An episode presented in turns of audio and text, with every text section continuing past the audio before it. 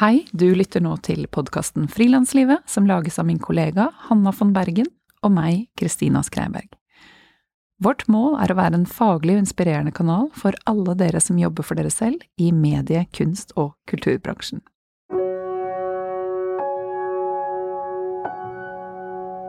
Ukens annonsør er regnskapsprogrammet Fiken. Akkurat som oss brenner fiken for at flere frilansere og små bedrifter skal lykkes, og bak fiken så står mennesker som selv har erfart hvor vanskelig regnskap kan være, og de har derfor laget en løsning som gjør det lett å føre regnskapet selv. Så lett at både Kristina og jeg har brukt det i flere år, og helhjertet anbefaler det til andre frilansere.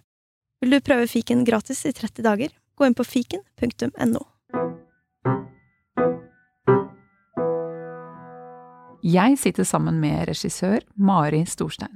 Mari har laget en rekke dokumentarfilmer som forteller historier om utenforskap, annerledeshet og menneskeverd. Filmene belyser hvordan det er å leve med en funksjonsnedsettelse, og hvilken kamp mange kjemper for frihet, og i Maris filmer får vi gjerne møte mennesker som sjelden får sjansen til å fortelle sin egen historie. Mari er 35 år, hun bor i Oslo og har sin utdannelse fra Høgskolen i Lillehammer. Hun har selv en funksjonsnedsettelse og har sittet i rullestol siden hun var ett og et halvt år gammel. Hun har assistenter døgnet rundt som fungerer som hennes armer og bein, som hun så fint beskriver det selv. I dokumentarfilmen Brevet til Jens belyser Mari hvordan hvilken kommune du bor i kan avgjøre hvilket liv du får leve. For hadde Mari ikke bodd der hun bor, men et helt annet sted, kanskje en liten kommune, hadde trolig livet hennes vært helt annerledes. Mari er en engasjert dame som kjemper for likestilling. Hun ytrer sine meninger i kronikker og debattinnlegg. Hun har mottatt flere priser, som Redd Barnas barnerettighetspris, Gullruten for beste dokumentarserie for TV 2-serien Søsken, Jonasprisen fra Universitetet i Oslo og Norges Handikapforbunds hederspris. Før vi går i gang, vil jeg at dere som lytter skal vite at jeg, utrolig nok, har kjent Mari halve livet mitt. Vi ble kjent da Mari var ca. 15 år og jeg var ca. 20, for da var jeg en av Maris assistenter. Og det er en av de fineste jobbene jeg har hatt, for Mari er en skikkelig kul dame, og jeg beundrer Mari for hennes vanvittige pågangsmot og drive, og for de viktige historiene hun formidler. Hei, Mari. Hei. Hei, det var. Det var en koselig introduksjon. Så hyggelig. Du Mari, du mm. jobber med dokumentarfilmer. Eh, når skjønte du at det var det du ville gjøre? Eh, Jeg tror liksom at jeg er en av sånn typisk mange barn på 90-tallet som lagde mye tullete små filmer. At vi hadde liksom, vi hadde, pappa hadde videokamera, og så begynte vi å liksom lage sånne fjasete skrekkfilmer og romantiske komedier og kledde oss ut og la på noe kul musikk og lagde musikkvideoer og sånn. Og syntes at det var gøy, liksom, å lage film. Men så tror jeg at jeg skjønte da jeg ble litt eldre, da jeg var sånn typ sånn 18, og merket å begynne, liksom begynne å føle på litt sånn urettferdighet, og at jeg ble behandla litt sånn annerledes enn enn andre, da. Jeg husker at jeg og min Ingeborg, min bestevenn, at vi skulle liksom på eh, tur til Amsterdam. Første sånn tur alene uten foreldre, liksom. Eh, og da hadde ikke assistenter på samme måte som jeg har nå. Da hadde jeg noe som het avlastere, som var sånn at de var ansatt i kommunen. Og da hadde kommunen mye mer sånn makt. Da, bestemte, da var det liksom de som skulle bestemme hvem som skulle jobbe for meg. Assistentene, som da het avlastere, fikk veldig dårlig betalt. Eh, og så var det da når jeg skulle på, på ferie, så måtte jeg liksom søke om å få med assistent. Og ta med assistenten ut av eh, landet. Og også det å søke om at utgiftene for en assistent skulle dekkes. Ikke sant? Hvis jeg skal til eh, Hvis jeg nå skal på en reise til London eller et eller annet sted, så har jeg en ordning nå som gjør at jeg betaler for mine egne utgifter, men assistentenes utgifter dekkes. Men da husker jeg dagen før vi skulle dra til Amsterdam, og vi var litt sånn kule og pakket og var sånn yeah, nå skal vi bare røyke masse hasj og Nei, nå kødder jeg. Eh, men at eh, Så fikk jeg en telefon fra bydelen som sa sånn Nei, nå må du betale for dekke utgiftene for assistentene dine selv. Og det husker jeg jeg bare syntes var så jævlig urettferdig at Ingeborg, min venn, skulle betale bare for seg, men jeg skulle betale liksom tre ganger så mye som henne, bare fordi jeg sitter i rullestol. Og så husker jeg at jeg ringte broren min, som også jobber med dokumentarfilm, som hadde kamera og sånn, så sa jeg sånn Å, Aksel, vet du hva som har skjedd? Og så fortalte han hva som hadde skjedd, og så dro vi ned til bydelshuset med kamera, liksom, og jeg var sånn Da hadde jeg sett litt sånne filmer av Michael Moore, syntes han var jævlig kul, og liksom troppet opp der og var sånn Hvor er bydelsdirektøren? Og liksom sånn. Og så ble vi kastet ut, da, av Securitas. Men det man da merket med en gang man liksom hadde kamera med, så ble på en måte de maktposisjonene litt sånn snudd. At fra at jeg var en sånn lita jente i rullestol som de kunne herse med, så hadde man litt sånn mer makt, da. Og da tror jeg at jeg på en måte skjønte at oi, man kan jo bruke kamera og film for å liksom skape noe endring, eller liksom ja, røske litt tak i systemet og drit, da. Ja, det er fantastisk kult at kamera for deg har blitt et sånt eh, Ja, et, liksom empowering. Mm -hmm. eh, et viktig virkemiddel. Ja, så tror jeg også det er veldig deilig Eller jeg merker at jeg syns at når man opplever en del sånn diskriminering og undertrykkelse som man gjør når man er en del av en minoritet, så er det ofte vanskelig å vite liksom, åh, hvor skal jeg putte all denne frustrasjonen eller sinnet eller åh, som hva skal jeg gjøre med det? Så er det veldig digg at man har funnet ut at film er både liksom viktig, og man kan bruke det som et verktøy, men også det at man syns det er veldig gøy. At det er en sånn For det er jo jævla kjipt å gå rundt og at alt skal være tungt, og bare drive med sånn aktivisme som er sånn slitsomt å stå i. Men det at åh, jeg digger jo film, og syns at det å møte mennesker og bare å jobbe på den måten er gøy, da. Så det å liksom, ja, forene de to tingene har vært liksom veldig sånn Hva skulle man ellers gjort? Men når skjønte du at det var noe du kunne forene? Og at det Eller ja, var det det å troppe opp sammen med broren din som var en sånn et turning point, eller når var det?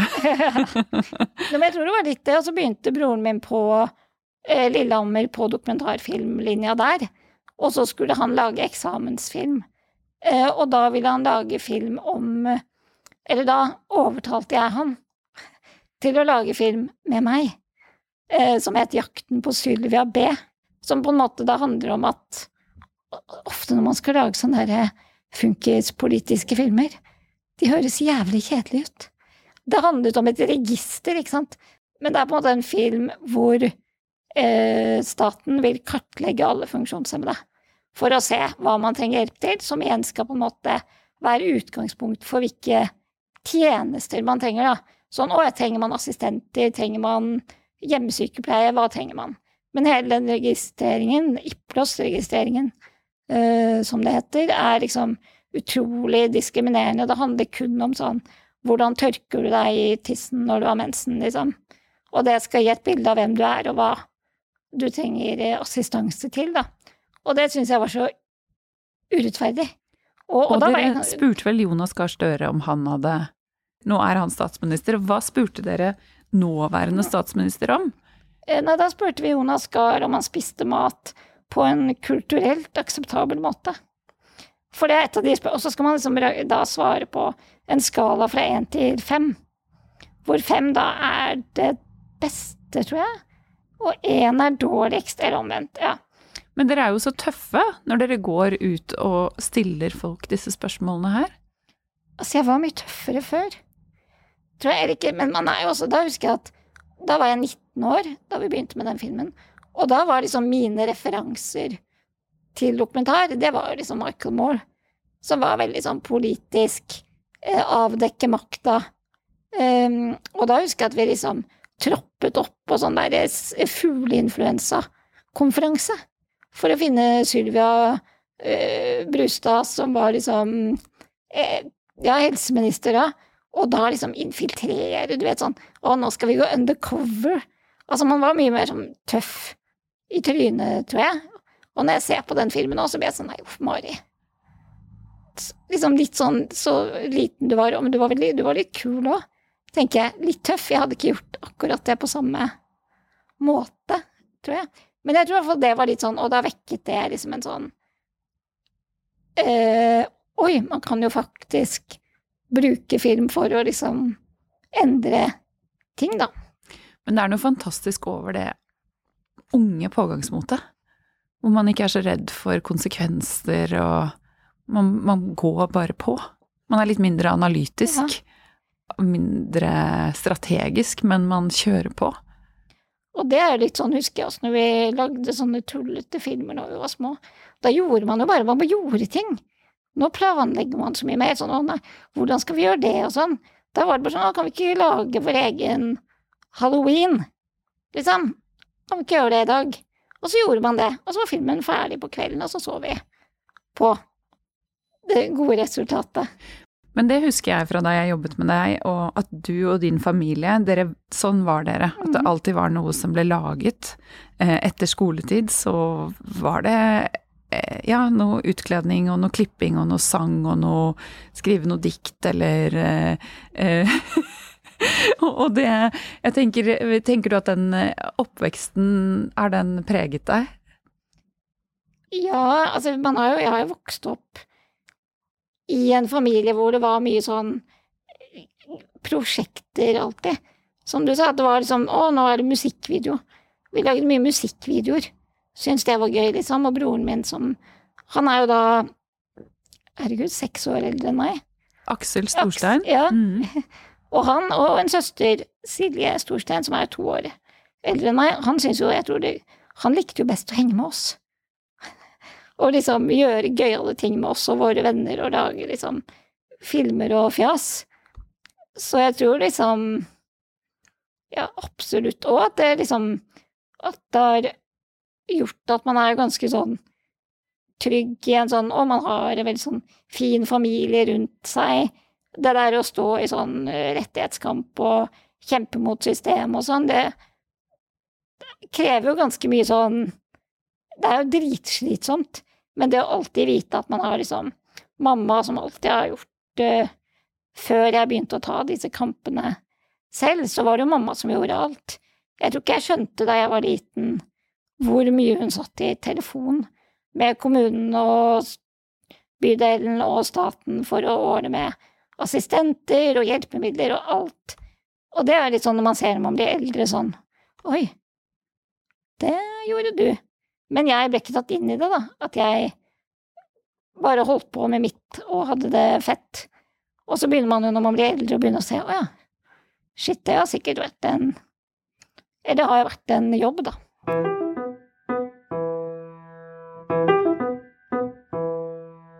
Vi kan gjerne begynne å snakke om filmen Brevet til Jens, mm. eh, som du lagde for ti år siden, da du var 25. Og det er en sterk film om to funksjonshemmede jenter som har helt forskjellig liv, mest fordi de bor i forskjellige kommuner. Den ene jenta er deg, og på den tiden så bor du sammen med din bestevenninne, og du lager film. Og den andre jenta heter Stine, som bor i Trondheim, på institusjon. Og hun bestemmer ikke selv når hun skal stå opp eller legge seg. Og altså, hvordan fikk du ideen til denne filmen? Mm. Nå er det ganske lenge siden jeg, liksom, vi begynte med den, men jeg husker at jeg kom i kontakt med Stine gjennom en sånn uh, kampanje som handlet om liksom BPA, brukerstyrt personlig assistanse, uh, og at det er veldig store forskjeller i kommunene i Norge om folk får assistenter, eller om de blir plassert på institusjon, eller om de får så lite assistanse at de blir liksom fengslet i sitt eget hjem, da. Um, og da husker jeg møtte Stine og fikk liksom skjønt at shit, hun er jo bare liksom noen år yngre enn meg, men hun bor på en institusjon. Hun er fratatt frihet. Uh, kun fordi hun bor der, og jeg bor et annet sted, så er livene våre så utrolig forskjellig, da. Um, og da var det også min bror som jobbet uh, i novemberfilm, var det vel han jobbet i da, ja. uh, med uh, Camilla eh, Brusdal, som er hans kjæreste, min svigerinne. Så alt er ganske sånn familiært. Så da husker jeg at vi begynte å snakke om at åh, vi må, vi må lage noe om dette. Og da og så gikk vi i gang. Og liksom, vi filmet egentlig filmen over en ganske kort periode. At vi besøkte uh, Stine i Trondheim på denne institusjonen uh, rett før jul. Uh, ja, ti år siden, som du sa. Ja. Og liksom at Ja, for å liksom vise forskjellen på våre liv, da. Og det husker jeg veldig når jeg kom dit, for jeg har jo heldigvis ikke vokst opp på institusjon, men har jo erfaring fra jeg var liten med at jeg ble sendt på sånn avlastning en helg i måneden, eh, som jeg syntes var helt for jævlig. Og det handlet ikke om de andre som var der, eller Og vi har jo blitt venner, noen av de jeg var der med, og liksom de som jobbet der, var jo hyggelige, og Men det der at en helg i måneden skulle jeg sendes bort et sted med sånne som meg, på en type sånn bolig Barnebolig het det. Altså, det er ganske sånn eh, grusomt. Og jeg har jo ganske sånn traume fra den tiden at jeg eh, på natten ligger i en sånn Altså på en institusjon og ikke blir hørt. Eh, at jeg ligger og roper kanskje en time. Jeg kan jo ikke bevege meg noen ting, og det er utrolig den derre klaustrofobiske følelsen, den panikken man får da, da. Og det der også det at når jeg ble litt eldre, det å liksom skulle gå ut på kino, og så var vi en gjeng med liksom folk i rullestol, jeg var livredd for å møte folk fra skolen, liksom. Sånn å møte de kule jentene i klassen over, og så sitter vi i en sånn gjeng med de funksjonshemma. Altså, jeg, det var sånn Jeg ville jo ikke identifisere meg med eh, liksom egentlig funksjonshemmede eller type sånn organisasjonsliv. Var ikke noe del av noe sånn aktivisme, eh, likestillingskamp, da jeg var yngre, for jeg ville liksom ikke forholde meg til det, for jeg hadde så dårlig erfaring med andre funksjonshemmede, rett og slett, som er jo litt sånn skamfullt også. I hvert fall når man er barn, og når man er ung, og det at 'å, jeg vil ikke identifisere meg med, med disse', eh, er jo sånn uff, nesten vondt å si høyt. Eh, Men som barn vil man jo være som alle andre, så det er jo Mm. naturlig òg. Man vil være som de som det er mest av. Og at man eh, ikke vil bli påtvunget noe. Mm. Bli fortalt hvem du skal gå på kino sammen med. Og så da husker jeg når jeg kom til Stines, eller til Trondheim på den institusjonen hennes, da fikk jeg den der følelsen av å gud, eller det er på en måte, det er jo veldig tydelig at dette er jo ikke et hjem. At det henger sånne plakater overalt med sånn vask hendene i 20 sekunder, sånn som man ser overalt nå på grunn av pandemi. Men òg branninstrukser på veggene, eh, bare den maten man fikk der, altså det er på en måte en institusjon, det er en arbeidsplass. Men der bor Stine store deler av tiden. Eh, som er jo helt sånn hvor, Altså kun fordi hun Hjerteskjærende. Ja, og hvorfor gjør hun det kun fordi hun sitter i rullestol istedenfor å for å gå? Og det er jo fortsatt Jeg tror jeg liksom at den diskrimineringa som skjer da, hver eneste dag, er jo på en måte et resultat av at man ser på oss uh, som noe annet enn deg, da. Uh, så den derre Det menneskesynet man har, og de fordommene man har mot funksjonshemmede, er på en måte så gjennomsyra i altså folks tanker, sin uh, i systemet, da, i strukturen, at det at hun blir plassert der, er på en måte ja, helt greit. Uh, så det husker jeg var en ganske sånn uh, ja, heftig uke, og spesielt liksom for Stine sikkert at vi også kommer dit og lager film, men jeg kan jo bare dra derfra. Jeg er der i fem dager og bodde på hotell rett ved siden av, har med meg to assistenter, har med meg broren min, har med meg svigerinna mi, har med meg mamma. Altså, vi var liksom Og niesen min, Thelma, som da var ikke et år engang. For det var liksom familieproduksjon, og alle måtte liksom kaste seg rundt. Men det der å liksom bare følelsen av at jeg kan dra, men at hun må bli, at det var en litt sånn heftig eh, ja, opplevelse.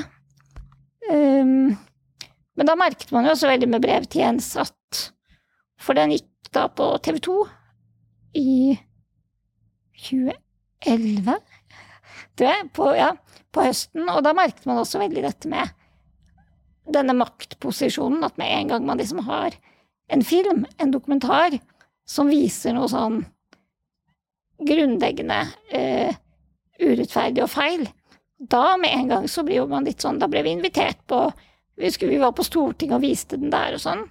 Og prøvde jo også hele tiden å få kontakt med Jens Stoltenberg.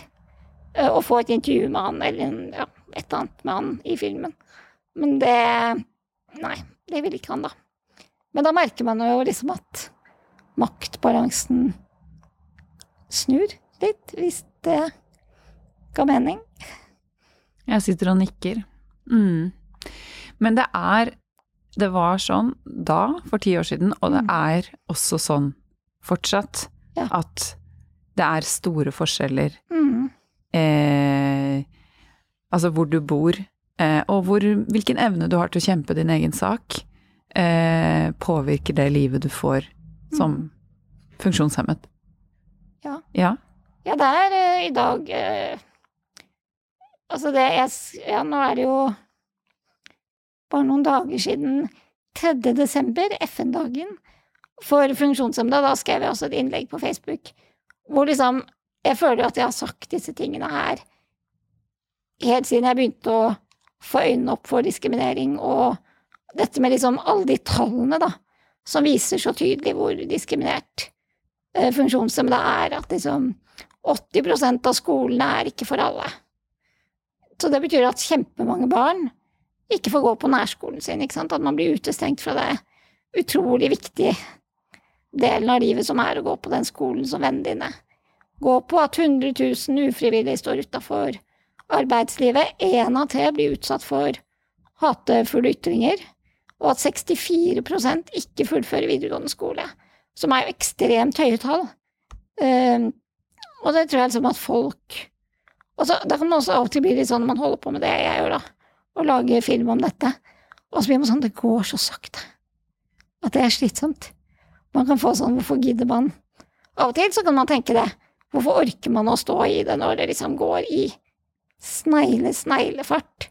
Men så ser man jo liksom hele tiden små tendenser til at liksom ting skjer, da. Så man, da jeg tror det har jo skjedd noe på de årene jeg har holdt på med dette, med de forskjellene som er når det kommer til liksom hvordan funksjonshemmede lever i Norge i dag. Det er på en måte helt altså ekstremt uh, hvordan folk uh, altså plasseres på institusjoner, sykehjem, uh, folk som blir oppfordret til å gå med bleie fordi de ikke får assistenter. Til å liksom Altså, jeg kjenner jo folk på min alder som har liksom Nei, men du kan jo bare gå med bleie. Som er jo helt groteskt. Eh, så det er jo ekstremt mange historier, da, som man. Nedverdigende. Ja, Mm. Mm. som man jo aldri hadde godtatt med noen andre, tror jeg. Mm. Hvis du hadde liksom fått spørsmålet sånn Nei, men Kristina, kan du ikke bare gå med bleie? Det hadde jo Mm. ikke du godtatt. Eller hadde du det? Jeg hadde ikke det. Så det er jo liksom Ja, disse Og det jo, merker man jo også når man jobber med film, at det er jo ekstremt mange historier, og jo flere ting man lager, jo flere henvendelser får man jo også fra, fra folk, på en måte, som vil fortelle hvordan Fortelle sin historie, for disse historiene er så utrolig uh, underfortalt, da. Det er så få som lager uh, film, og som lager TV, og som liksom forteller historier om mennesker som er har en annerledeshet, og ofte når det blir fortalt, så er det jo disse heltehistoriene, eller, heltehistoriene eller offerhistoriene. At det er veldig sjelden at man liksom bare ser en funkis, som jeg kaller funksjonshemmede, funkis, eh, på TV eller på film, bare i kraft av å være et menneske på jorda, da. Når du har laget filmer, så har du jobbet mye sammen med broren din, spesielt. Aksel Storstein, og også din svigerinne eh, Camilla Brusdal, eh, som begge jobber i Novemberfilm. Hvordan er det å jobbe med din egen familie? Altså, i hvert fall sånn Det å jobbe med min bror, Det var jo litt sånn jeg startet med å lage film, egentlig, at vi to jobbet sammen og tok med oss kamera og liksom kastet oss rundt. Lagde altså en sånn utrolig gripende reportasje for Norge Rundt da vi gikk fra Oslo til hytta. Som er jo et tullete prosjekt, men var veldig gøy. Var liksom, men var det et filmprosjekt? Nei, altså I utgangspunktet var det bare et prosjekt hvor vi skulle gå til hytta, og det var gøy. Men så filmet vi det underveis, og så klippet vi det sammen, og så ble det sånn. Gikk det på Norge Rundt på julaften. Eh, og det som var veldig gøy da, det var jo fordi at eh, Dette var jo litt sånn fjasete tulleopplegg. Vi hadde liksom planlagt for gøy, Aksel og jeg, at vi skulle gå til hytta. Eh, men så ble det veldig så Jeg husker at hun eh, som liksom innledet denne eh, reportasjen, var veldig sånn Han har vært verden rundt. Hun har problemer selv med å komme seg på hytta. Derfor tar storebror saken i egne hender og har tatt med seg sin funksjon som det søster på tur. Som jo ikke var premisset for denne turen. Det var jo bror og søster dra på tulleprosjekt og gå til hytta. Men det filmet vi jo, da. Så det, vi har alltid hatt liksom disse prosjektene. Eh, men jeg husker når vi, vi, jeg lagde en serie som het Søsken, som gikk på, eh, på TV 2, og da var liksom jeg regissør, og broren min var da produsent, da. Men da måtte vi ha et sånt møte før vi gikk i gang med litt sånn altså noe litt sånn forventningsavklaring, for vi kan begynne å krangle litt om litt Jeg kan være litt sånn uenig om sånn bruk av voice og sånn. At han ofte vil liksom redde seg, ja, i hvert fall det følte jeg i hvert fall før, da, at han alltid ville bruke mye mer voice. Og da kom jeg rett fra Lillehammer, og det har gått veldig sånn Og jeg vil jobbe mye mer sånn observerende dokumentar. Og var sånn Å, du skal alltid bare bruke voice. Og så var jeg veldig sånn Og da blir vi sånn barnslige. At vi kan, så vet jeg liksom ikke om Aksel kjenner seg igjen, da? I beskrivelsene her? Nei, jo, Nei? det tror jeg han gjør, kanskje. Kanskje det er et eller annet han mener du alltid vil gjøre?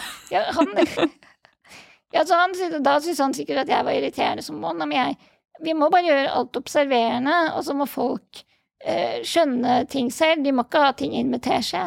Og så begynner vi å krangle. Men da hadde vi i hvert fall sånn møte sånn Dette kan vi ikke gjøre på jobb foran folk. Vi må være liksom ordentlige på jobb.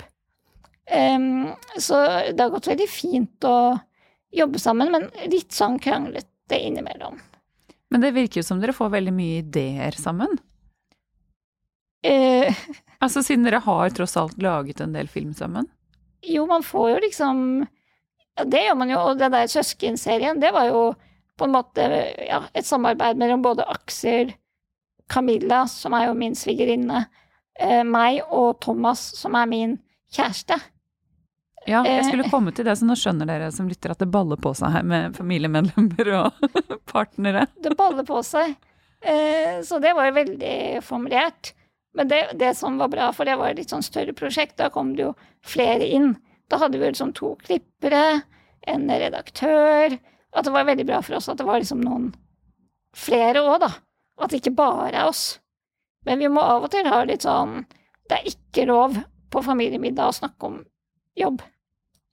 Lurt. Men det er, blir man jo dårlig på når, det er liksom, når man jobber sammen og altså bor sammen med altså, Det blir jo vanskelig å skille disse tingene. Ja, for din eh, kjæreste Thomas Myklebost, mm. sa jeg det riktig? Ja. ja. Det er veldig mange som pleier å si det feil. Bust, ikke sant? Ja, Myklebust. og nå har vi fått ny vi, vi, nei, Dette var en liten digresjon, da. Ja. Men vi fikk ny ringe, ringeklokke forrige uke hjemme på huset. Og jeg heter jo Storstein, men da har de skrevet feil. Så nå er vi Skorstein Myklebost. Det er ganske problematisk når vi får sånn på døren fra Kolonial og sånn. For ingen skjønner hvor de skal, så ringer de til Thomas, og så må Thomas si sånn Skorstein Mykle, han er fra Vestlandet. Skorstein Myklebost. Skorstein Altså, det er liksom blitt en ting. Som er jo gøy, men begynner nå å bli litt irriterende, for det begynner å bli problematisk. Hvordan er det å jobbe sammen med samboeren din? Eh, det Altså, vi ble sammen da vi jobbet sammen, eller vi ble kjent på høyskolen, Lillehammer, hvor vi studerte. Så vi har liksom bare alltid jobbet sammen. Vi ble jo kjent da vi jobbet sammen, og så har det bare fortsatt å være det vi på en måte gjør. Så det er liksom så naturlig. Vi jobber veldig bra. Vi krangler veldig lite. Jeg krangler mer, tror jeg, med Aksel enn med Thomas rent sånn jobb, jobbmessig. Eh, Men det er jo liksom det vi Altså, vi bor jo sammen og jobber sammen. Så alt er jo en veldig sånn Glir over i hverandre, på en måte. Det er ikke sånn 'nå er jobben ferdig'. Hva har du gjort på jobben i dag? Det er litt kjedelig at man aldri kan spørre sånn 'hva har du gjort på jobb'? Det, men men det, det går superfint, egentlig. Men snakker dere om prosjekter og jobber og sånn når dere spiser middag, eksempel? Ja. Vi snakker mest om Høres egentlig ganske kjedelig ut, da. Men vi snakker veldig mye om jobb. Men det er fordi at vi syns jobb er gøy. Eller liksom ofte sånn i vår eh, relasjon, så går det egentlig best med oss rent sånn forholdsmessig når vi jobber med noe gøy. Hvis vi ikke jobber med noe gøy, da kan det bli dårlig stemning og bli sur og være litt sånn kjipt. Men når vi jobber med noe gøy, da går det bra.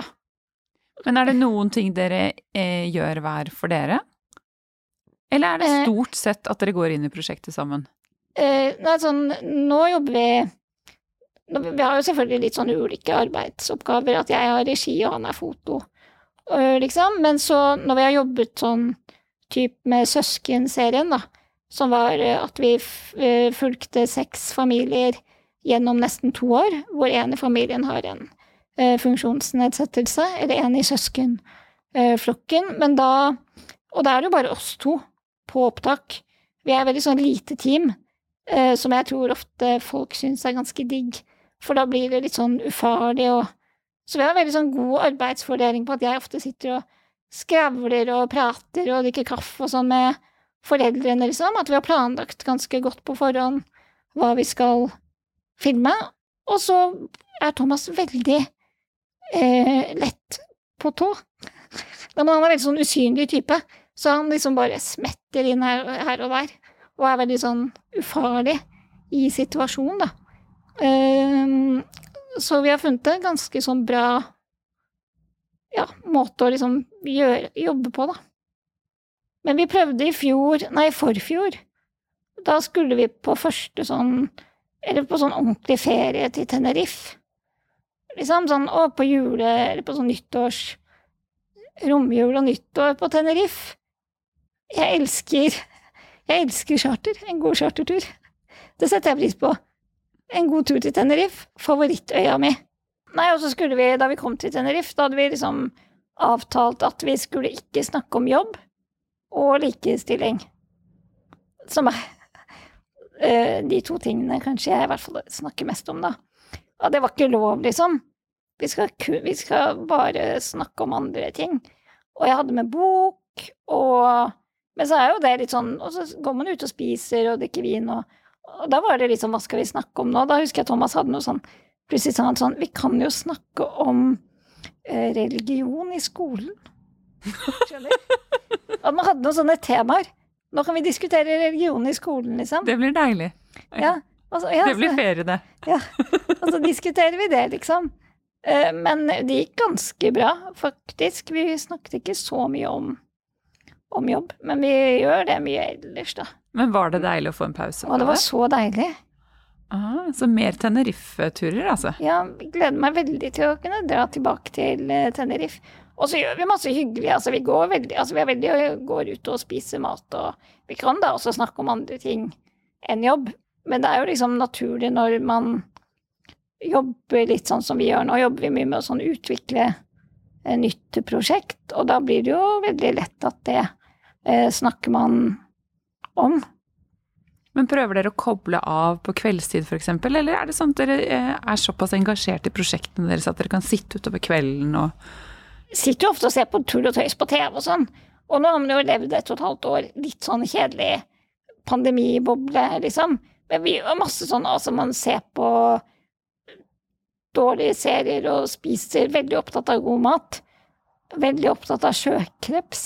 Å, så deilig. Ja. Nei, men så veldig sånn mye fokus på mat og ha folk på besøk, så det er ikke sånn at vi, vi jobber ikke hele tiden sånn konstant jobb. Også mye fjas, og Thomas er på sånn Formel 1. Sånn Neste tur til. Tenerife kan dere snakke om sjøkreps og Formel 1. Ja. Formel 1, han liker å game. Jeg kan finne på andre ting. Så vi er ikke sånn konstant jobb. Men veldig mye sånn at, men at jobb er en gøy og positiv eh, ting. At jobb er noe vi syns er eh, fint å eh, gjøre sammen, da.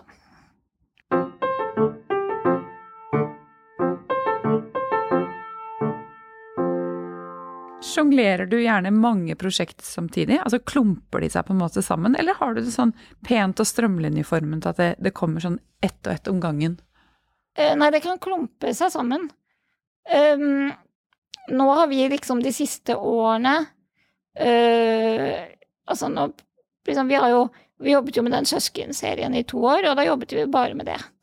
Og så var det litt etter den tiden, var det sånn Oi, hva skal vi gjøre nå? Og da ble det litt sånn å ta på seg forskjellige sånn småjobber. Klippe ut forskjellige ting. Jeg var produsent på en sånn eh, serie med Sofie Elise, av alle ting. Eh, som også var litt deilig, fordi da gjorde man liksom noe helt annet. Um, men så uh, fant vi litt ut, og så jobbet vi parallelt med å prøve å utvikle en litt sånn større uh, dokumentarserie med meg, uh, som heter Marit har makta. Som ingen ville ha. Ingen Og dere har masse materiale, ja, men ingen altså, har tatt den, da? Nei, det, da prøvde vi på en måte å pitche det inn til TV 2 og NRK, men det var veldig vanskelig å få gjennom. Og da tror jeg at liksom Og det brukte vi ganske mye tid på. Prøvde også å pitche inn en sånn sesong to av Søsken. Og da ble man litt sånn lei av TV, egentlig. Eller litt sånn syns TV-bransjen ofte kan være ganske uh, døll.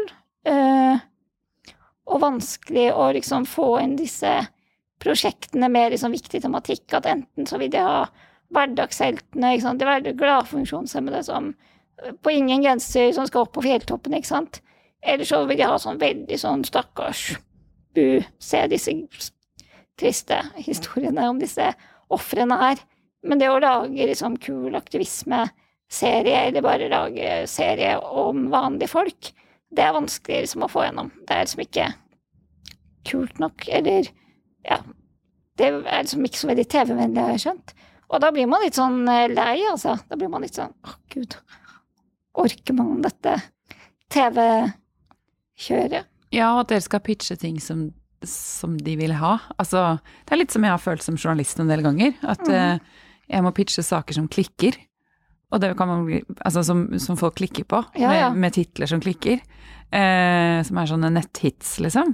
Og, og det, det er ikke det jeg er interessert i. Nei, og det, man blir jo da litt sånn motløs. Ja. Og sånn, hva skal man gjøre da? Hvorfor skal jeg gidde å lage TV?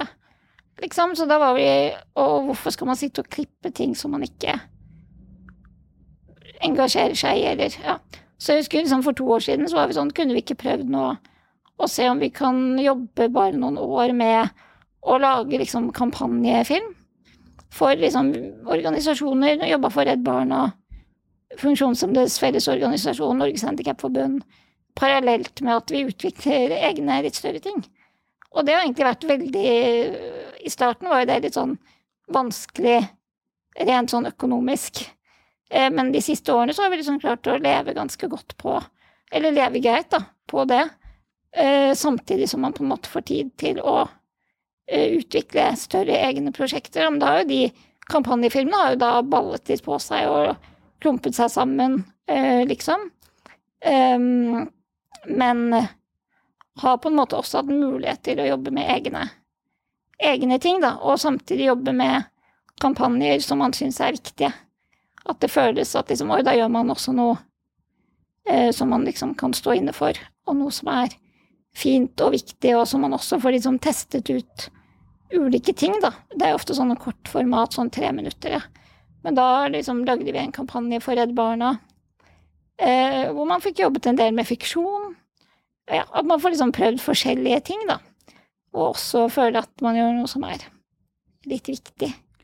Hvordan legger du opp eh, måte arbeidsukene dine? Har du no noe fast form på det? Åh, vet du hva, det, det syns jeg er vanskelig. Jeg er ekstremt B-menneske. Som jo, og det eh, er også Thomas, som virkelig B-mennesker, på en måte. At jeg av og til så er jeg så sjalu og misunnelig på mennesker som vil stå opp om morgenen. Hvor lenge vil du helst sove? Nei, men jeg vil egentlig opp tidlig.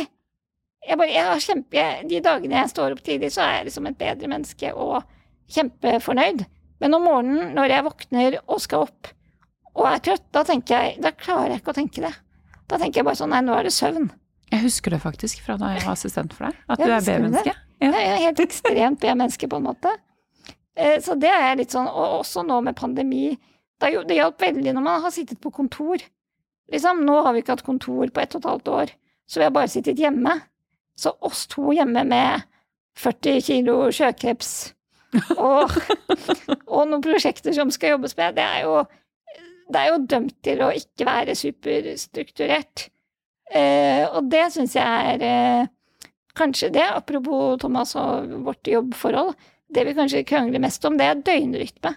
At vi må bli bedre på døgnrytme. Men det vil dere begge, eller er det den ene som vil det? Begge vil bli bedre på døgnrytme. Jeg kan på kvelden eh, være mer tilbøyelig til å tenke nei, men nå var det så koselig å sitte oppe. Og se en episode til, og, og drikke litt deilig vin. Altså kose seg, liksom. Og så tenker jeg at vi, vi står jo opp tidlig, at jeg blir veldig ambisiøs på kvelden. At jeg tenker men jeg klarer jo å stå opp tidlig. Og så klarer jeg det ikke.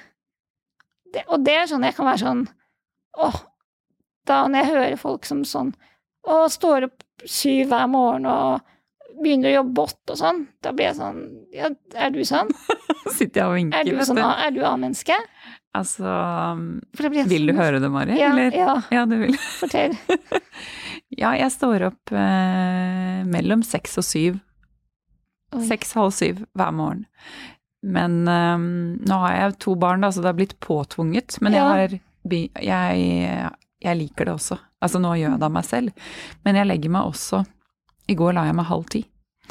Ja. Så da går man jo glipp av eh, masse herligheter på kvelden. Jeg kunne spist masse sjøkreps etter halv ti. Men kan du ikke spise Du spiser sjøkreps av og til eller ikke? Jeg spiser sjøkreps av og til. ja, jeg gjør Kose det. deg, kan kose deg litt med vin og sjøkreps. Ja, ja, ja, Kristine Ja. kan kose seg litt hun også. Ja. Men jeg, jeg har noen kvelder i uken hvor jeg legger meg veldig tidlig, bare for å få en god natts søvn. Så i natt har jeg sovet ni og en halv time. Ja, for jeg tenker det er noe med det at når man eh, jobber som frilanser, så at man tar noen av de godene vi faktisk har. For det er, det er mange utfordrende ting, ting ved det, og hvis det er noen ting man ser eh, at å, jeg kan drikke kaffe med en venninne midt på dagen, eller jeg kan eh, ja, sove lenge, eller jeg kan ta en hel fridag i ny og ne, så tenker jeg at man kan gjøre det fordi man kan, og bryte med samfunnets normer, hvis det kjennes godt, da, hvis det er en rytme som egentlig funker for en selv. Og jeg har veldig sånn bedagelig morgen hvis ikke jeg skal rekke noe. Så jeg veldig Jeg drikker alltid kaffe på sengen. Og begynner. Og jeg har jo assistent, ikke sant, så da roper jeg alltid sånn Setter du på kaffe, kaffen? sier jeg. Sånn deilig, liksom. Og så drikker jeg kaffe på sengen en stund før jeg står opp. Og det syns jeg er deilig, liksom, den tiden da. Og så er det jo litt sånn Men jeg er ganske sånn produktiv, egentlig, også hvis jeg har sovet litt lenger. Altså, jeg får alltid liksom gjort ting, føler jeg. Du får gjort jeg utrolig skal. mye.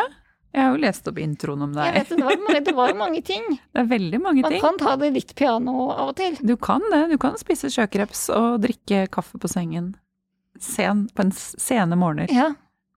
Ja. Men vi, vi pratet mye om det sist, eller for litt siden, jeg og Thomas, at man er veldig heldig også. Når man, liksom, man setter jo ikke helt pris på sånn Når man jobber med egne ting, jobber med å utvikle prosjekter liksom Nå har vi begynt med liksom, jobber med starten på et nytt prosjekt. Og Som skal bli en spillefilm? Bli spillefilm. Det skal jeg spørre mer om litt senere. og har kost oss liksom veldig med det. At når vi har hatt sånne intensive uker sånn, og nå skal vi skrive for å levere ting, da liksom er det kjempegøy.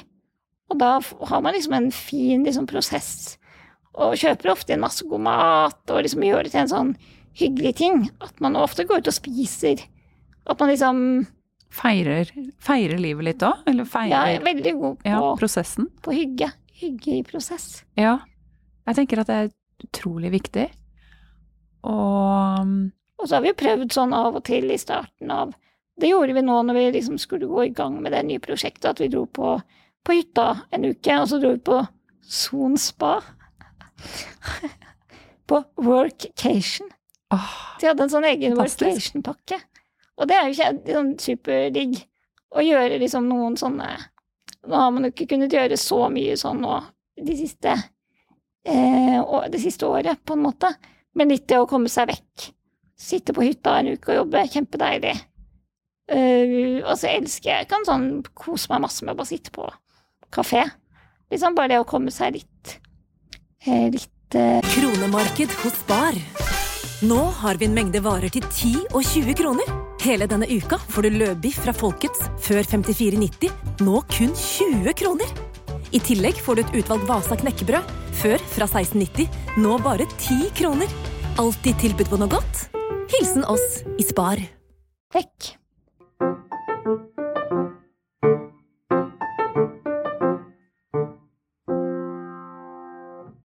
Men Mari, når um, Altså, du eh, sitter jo i rullestol, mm. Og du har assistent med deg eh, overalt. Eh, hvordan, hvordan, løser du det rent praktisk når du jobber med, med, å lage film? Eller når du er ute på oppdrag? Mm.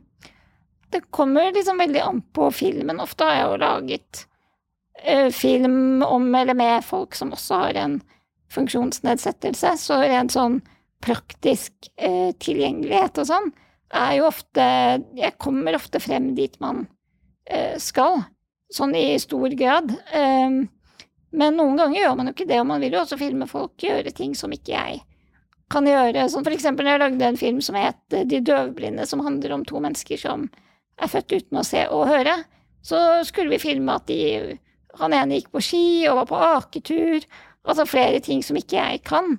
Og da er jo det å liksom kommunisere godt med eh, fotograf eh, i forkant, da.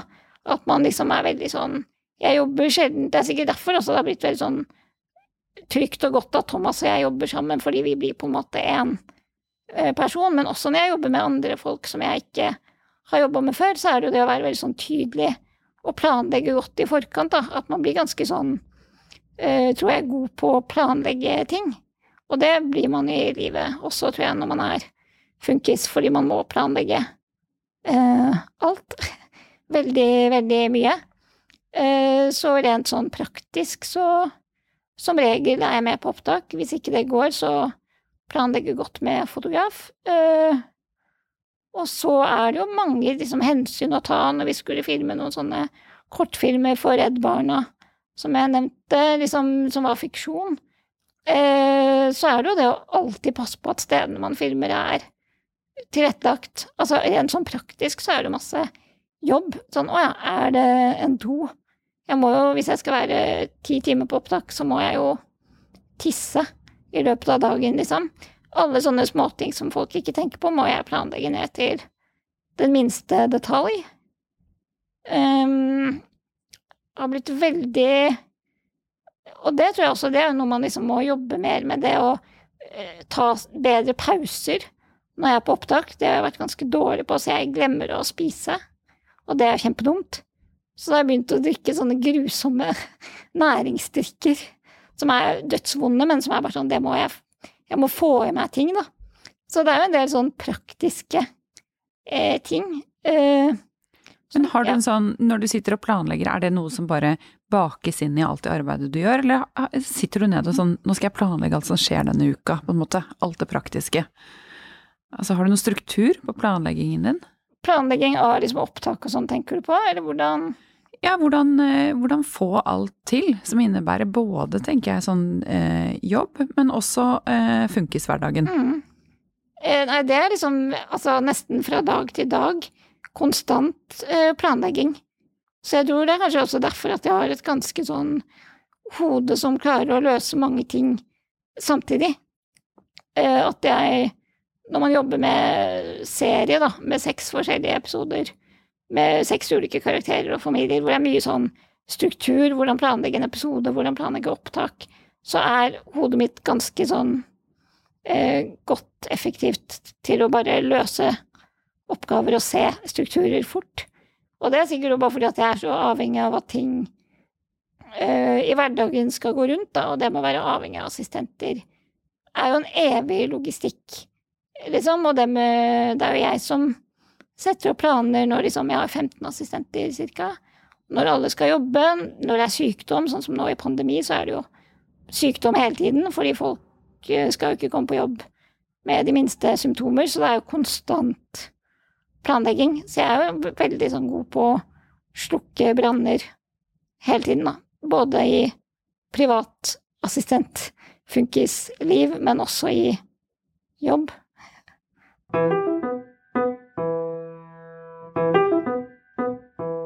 Veldig glad i når jeg jobber rent sånn praktisk og bruker mye sånn fargekoder og Post-It og sånn, jobber jeg mye med. Og så overfører Så jeg at du har en vegg hjemme med Ja, vegg. apper og sånn? Ja. Når det kommer til struktur, når man jobber med som konkrete Ja, prosjekter, da. Vi, vi elsker alle sånne Ja. verktøy for struktur. Og alle har forskjellige metoder. Ja, nei, sånn som når jeg jobbet med Det kommer litt, litt an på hva man jobber med, men når man jobbet med den søskenserien, da jobbet vi mye med sånn Post-It-lapper på vegg. Når vi lager, lager struktur, episodestrukturer. At hver karakter har eh, sin egen farge, eksempel. Og også kanskje at emosjoner har en farge. At hvis man ser at Oi, her er det Det jobbet vi mye med når vi jobbet med den serien, at det måtte alltid være liksom to lette og en litt tyngre historie per episode. For hvis det blir to tunge, så blir det for tungt, liksom. Det er begrensa hvor mye tungt og trist man orker. Så alltid det å på en måte prøve å fargekode litt sånn lett, lett, lett, tungt. Hvis man ser at her er det masse tungt, da må vi strukturere om. Hvis det ga mening, så Ja, ja, ja. Så spennende. så det er sånt jeg syns er gøy, da. Og så også ha de samme fargekodene i Excel og sånn, i sånne skjemaer. Ah, liker du Excel? Jeg er veldig dårlig på å lage Excel, eh, liksom, ut, liksom lage Excel-ark. Jeg liker veldig godt når noen hjelper meg å sette det opp, og da kan jeg kose meg masse. Ja. Ja. Så hvis du først har en, en ramme, på en måte, Ja. så kan du jobbe ut, oi, Ja. ut fra det? Ja. Mm. Det ser veldig detaljorientert ut, kanskje? Nei. Jo, men det er det som er så gøy, å Mm. oppdage sider ved, ved folk man snakker med, som man kanskje mm. ikke visste. Mhm. Så jeg syns det er veldig Jeg syns det er så kraftfullt, jeg, når man er sånn har skikkelig styr på det. Ja, men jeg syns det er deilig. Ja. Og nå når vi har jobbet, når vi jobber nå med å utvikle eh, spillefilm, som vi ikke har gjort før i det hele tatt, da må man jo finne opp litt sånn prosess. Eller finne ut av sin egen nye prosess. For den har man ikke. Man har jo liksom en litt sånn Hvis man skal gå i gang med dokumentar, selv om det er jo alltid nytt når man går i gang med et nytt eh, prosjekt eller en ny film, men da har man i hvert fall noen verktøy. Man vet at ok, da begynner jeg kanskje litt sånn, og så skjer det. Men med fiksjon, ikke gjort før. Så da har vi liksom måttet prøve å finne vår egen måte å gjøre det på. ja, før du går ikke- videre, bare kjapt, eh, hva skal filmen handle om? Før, og så vil jeg høre om hvordan du går, går til oppgaven. Nei, vi, vi jobber jo i hvert fall med en eh, film som er eh, så er man så alltid sånn usikker sånn Hvor mye skal man si? Sånt er jeg så dårlig på. Fordi det er ganske ferskt, eller? det er jo ganske ferskt. Men det er jo i hvert fall en eh, film som tar utgangspunkt i en liksom ung person eh, som skal begynne på høyskole eller universitet. Og denne personen sitter i rullestol, og så er det liksom denne personens møte med uh, ja, samfunnet, som ikke er som hun eller han trodde at det var, da. En person som har levd ganske beskytta. Uh, foreldrene har tatt alle kampene vet ikke selv at man tilhører en minoritet som er kanskje den mest undertrykte minoriteten i samfunnet. Og så blir man møtt med samfunnets syn på seg selv, da, i litt sånn grove trekk. Og så er det også en det en kjærlighetshistorie? kjærlighetshistorie. Ja. Og det er kanskje det gøyeste, da, med kjærlighetshistorien. Så, men som selvfølgelig møter på masse mot, motstand og hindringer på grunn av Ikke på grunn av at hun er liksom funksjonshemma, men samfunnet, da, som er ikke skapt for dem. Det er jo også en del av denne filmen er jo at eh, Som kommer til å bli kjempegøy, er jo det at det skal jo være ekte uh, funkis som skal spille hovedrollen, uh, selvfølgelig, og det fins ikke funksjonshemmede skuespillere, nesten, eller Det fins i dag ingen utdannede skuespillere i rullestol.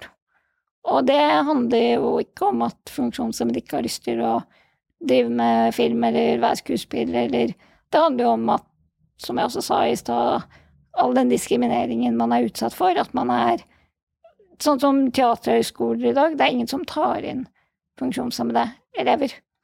Eh, så, og det begynner jo allerede i barndommen med at man ikke får være med på fritidsaktiviteter, at ikke du får gå på den nærskolen du vil, at ikke du får nok assistenter til å ha en fritidsaktivitet. Eh, så for veldig mange så er jo den liksom Oi, drømmen om å bli skuespiller jobbe med film, den er for mange bare helt urealistisk og helt uoppnåelig.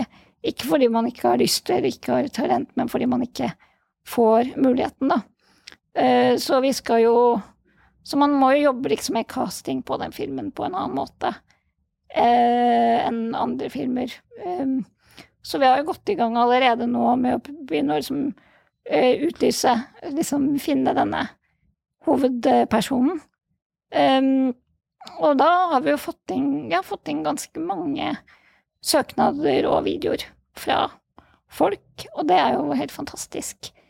Og det er også en liten sånn Jeg vet ikke om man liksom kan banne, men en liten sånn Jeg kan bli sånn fucker til castingfolk og produsenter og NRK og kanaler som sier at jamen de fins jo ikke funksjonshemmede skuespillere.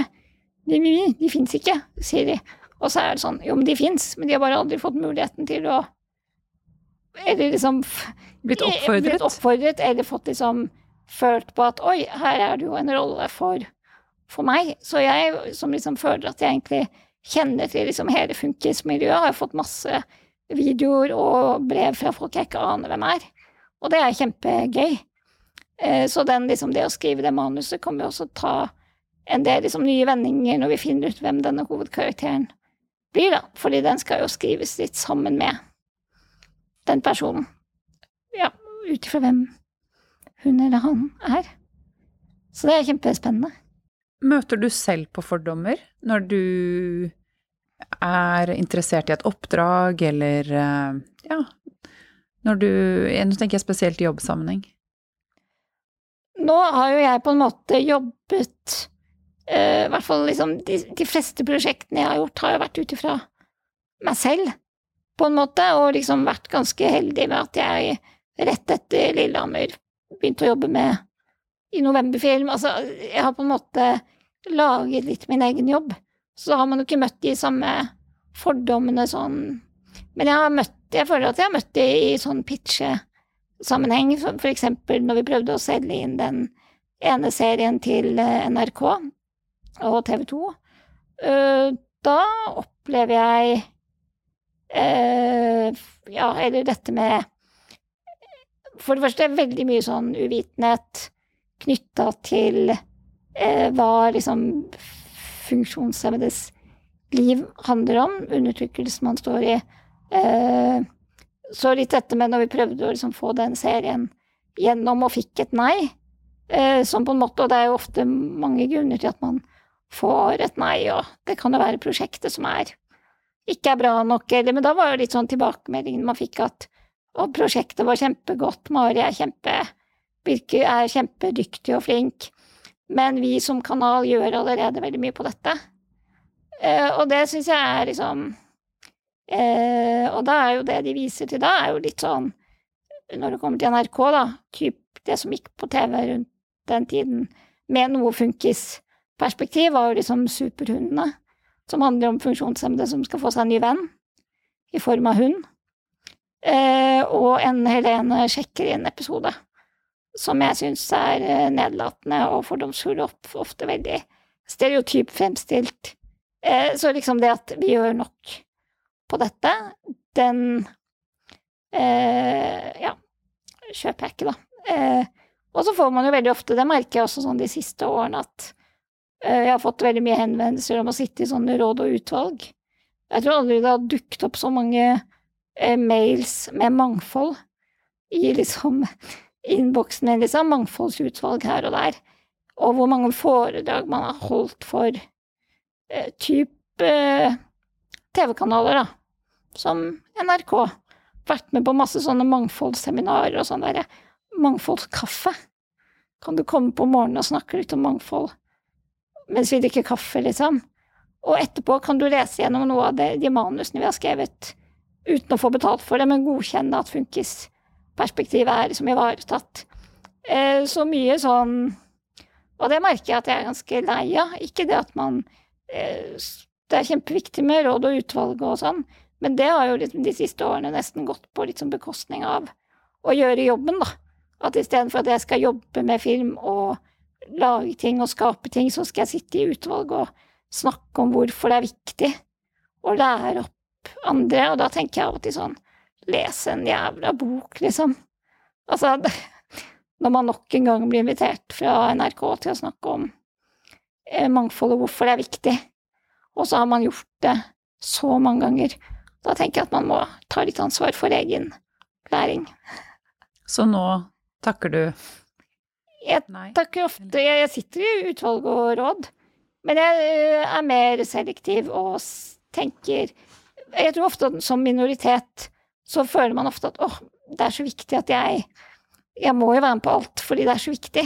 At man ofte glemmer litt seg selv og glemmer litt hva man egentlig holder på med. Så det også Altså bare være flink på å ta godt betalt, altså ta betalt når du blir spurt om ting. Ofte tror jeg folk forventer at Å, kan ikke du komme og holde et foredrag mens vi har en kaffekopp? Og så sier man at om jeg skal ha et honorar.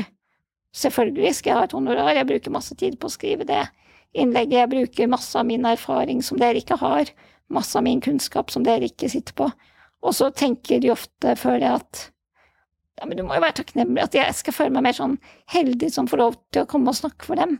Så når man på en måte sier at ja, men da forventer jeg dette, eller jeg forventer dette honoraret, eller jeg forventer at dere skal sette dere inn i dette her i forkant, så det Nei, det skjønner folk ikke helt, da. Det kan jeg møte på eh, Og det henger jo også sammen med liksom Ja, med fordommer og holdninger og liksom Det der liksom Det der åh, du må Nå får du jo muligheten til å komme og snakke for oss. Det er jo så viktig for deg. Og så tenker jeg nei, det er, viktig for, det er viktig for deg. um, så det å være litt sånn flinkere til å si nei til noen ting, uh, tror jeg er kjempemerker jeg ser i hvert fall at det er viktig. At man kan ikke sitte i alle råd og utvalg og mangfold og komme på alle mangfoldskaffer. For da er det det eneste man gjør. Og det Og da føler jeg veldig på at man er ganske sånn alene i liksom filmbransjen som liksom funkis, da. At man ofte blir, er, man blir spurt om alt, for det er ingen andre å spørre, på en måte. Og det kan jo være litt slitsomt, da.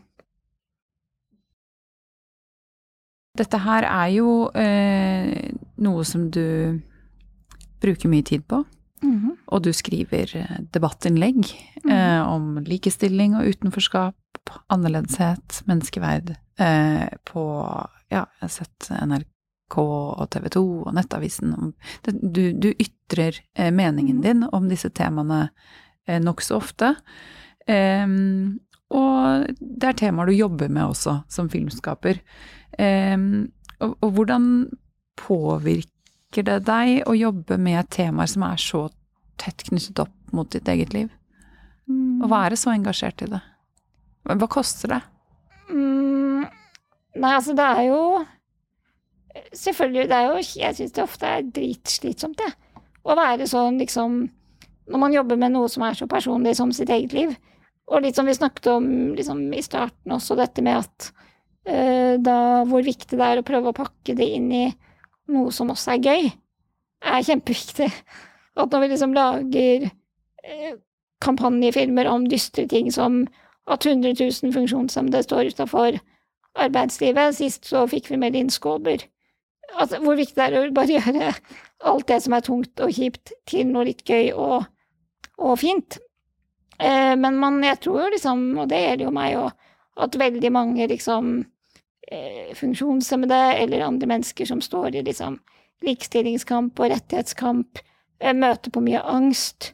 Eh, at man får liksom bare at når man er helt eh, avhengig av Altså, jeg vet at min frihet ikke er en selvfølge, bare med at jeg har assistenter. Plutselig kan den ordningen endres, og så mister jeg assistansen min nærmest på dagen. Det at man alltid lever i en sånn usikkerhet, da.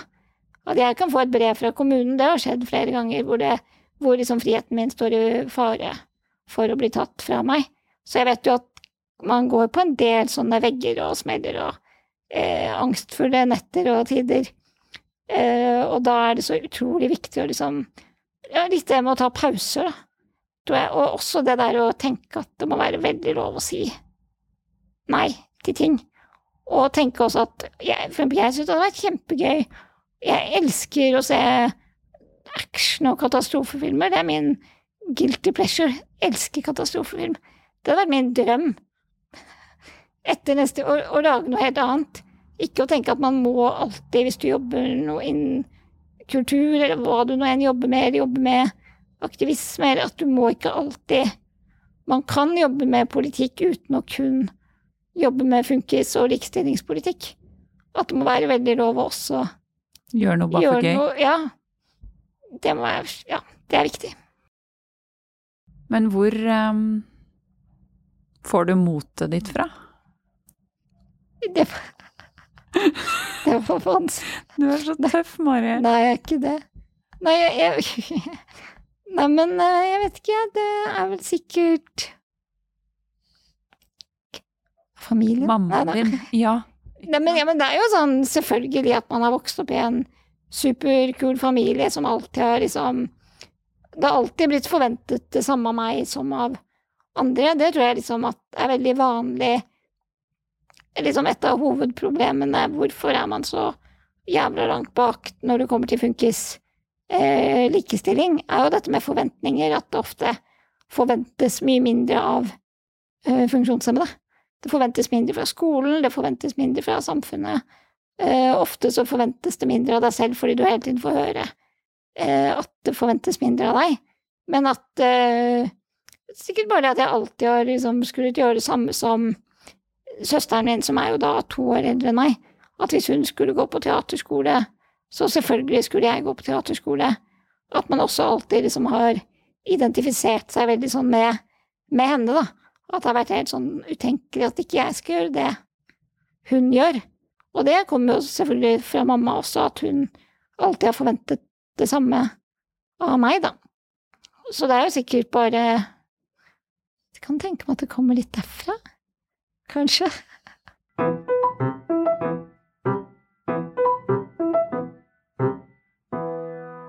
Nei, men jeg tror at ofte det kommer også til liksom flere eh, funksjonshemmede som gjør ting. Det, eller som, er liksom, synlige? som er ja. synlige, at mange kan tenke sånn wow, det er veldig inspirerende og sånn. Eller det at man ofte kanskje blir sånn fremstilt som sånn At man liksom får til alt, eller får til så mange ting. Og så er man jo ikke sånn hele tiden, i det hele tatt. Man er jo en liten Jeg er jo super eh, og angstfull type, som syns alt er dritskummelt, liksom. Og så klarer man å kamuflere det med noe greier. Men det at liksom, og det tror jeg også sikkert kommer av det, tror jeg mange faktisk funksjonshemmede opplever når man liksom står litt frem, at det er ekstra imponerende, ofte ekstra imponerende når jeg gjør ting, selv om man ofte gjør akkurat det samme som andre. Veldig mange funksjonshemmede får jo også høre at det er veldig imponerende, for eksempel når de er på bussen. Ja, det får jeg også ofte, at jeg kan høre at det er veldig imponerende at jeg er ute og tar en øl. Det har, jeg, det, hører, det har jeg hørt ofte, liksom. Shit, så imponerende at du kommer der ut. Det er også sånn når man er i et forhold, da, med Thomas, sånn at ofte liksom Gud, så snill han er, som tar, tar deg med ut på dette, liksom. Men at det er ekstra innspill, liksom Det er du som er snill? Som tar med han ut? Ja, men det er jeg. Jeg er det. Ja. Snill. Han, han, er, han er kanskje litt mer sånn sjenert type enn deg? Så det er Ja, du som er ja. snill. Det er, jeg vet det, det er det.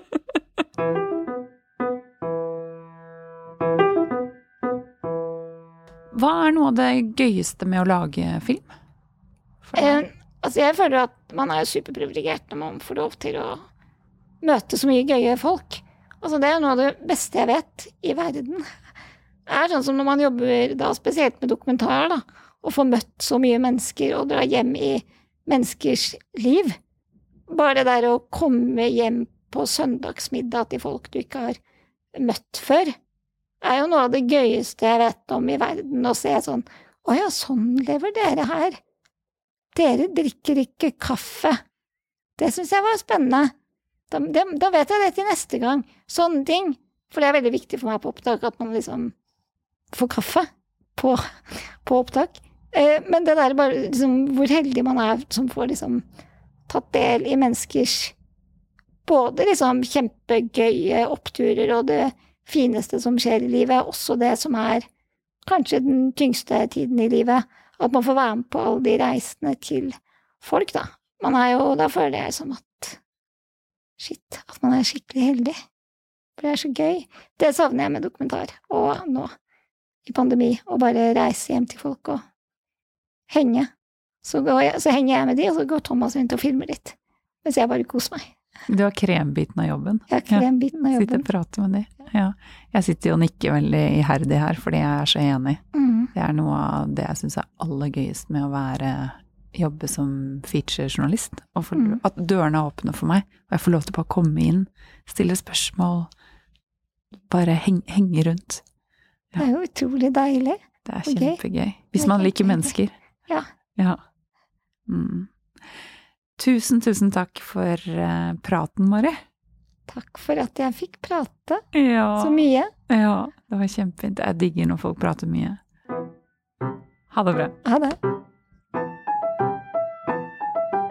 Mari trenger faktisk flere assistenter som kan jobbe på skift til alle mulige tider i løpet av døgnet. Så hvis du fikk sansen for Mari og alt det hun driver med, og tenker at det ville vært kult å jobbe som assistent for henne, så ta kontakt. Maris assistenter er gjerne frilansere som jobber med alt mulig, i tillegg til å jobbe for Mari. Er du interessert, så send en mail til mari.storstein at gmail.com og fortell litt om deg selv. Vi vil gjerne takke Kulturrådet og Bergesenstiftelsen, som har støttet oss slik at vi kan lage flere episoder av Frilanslivet. Tusen, tusen takk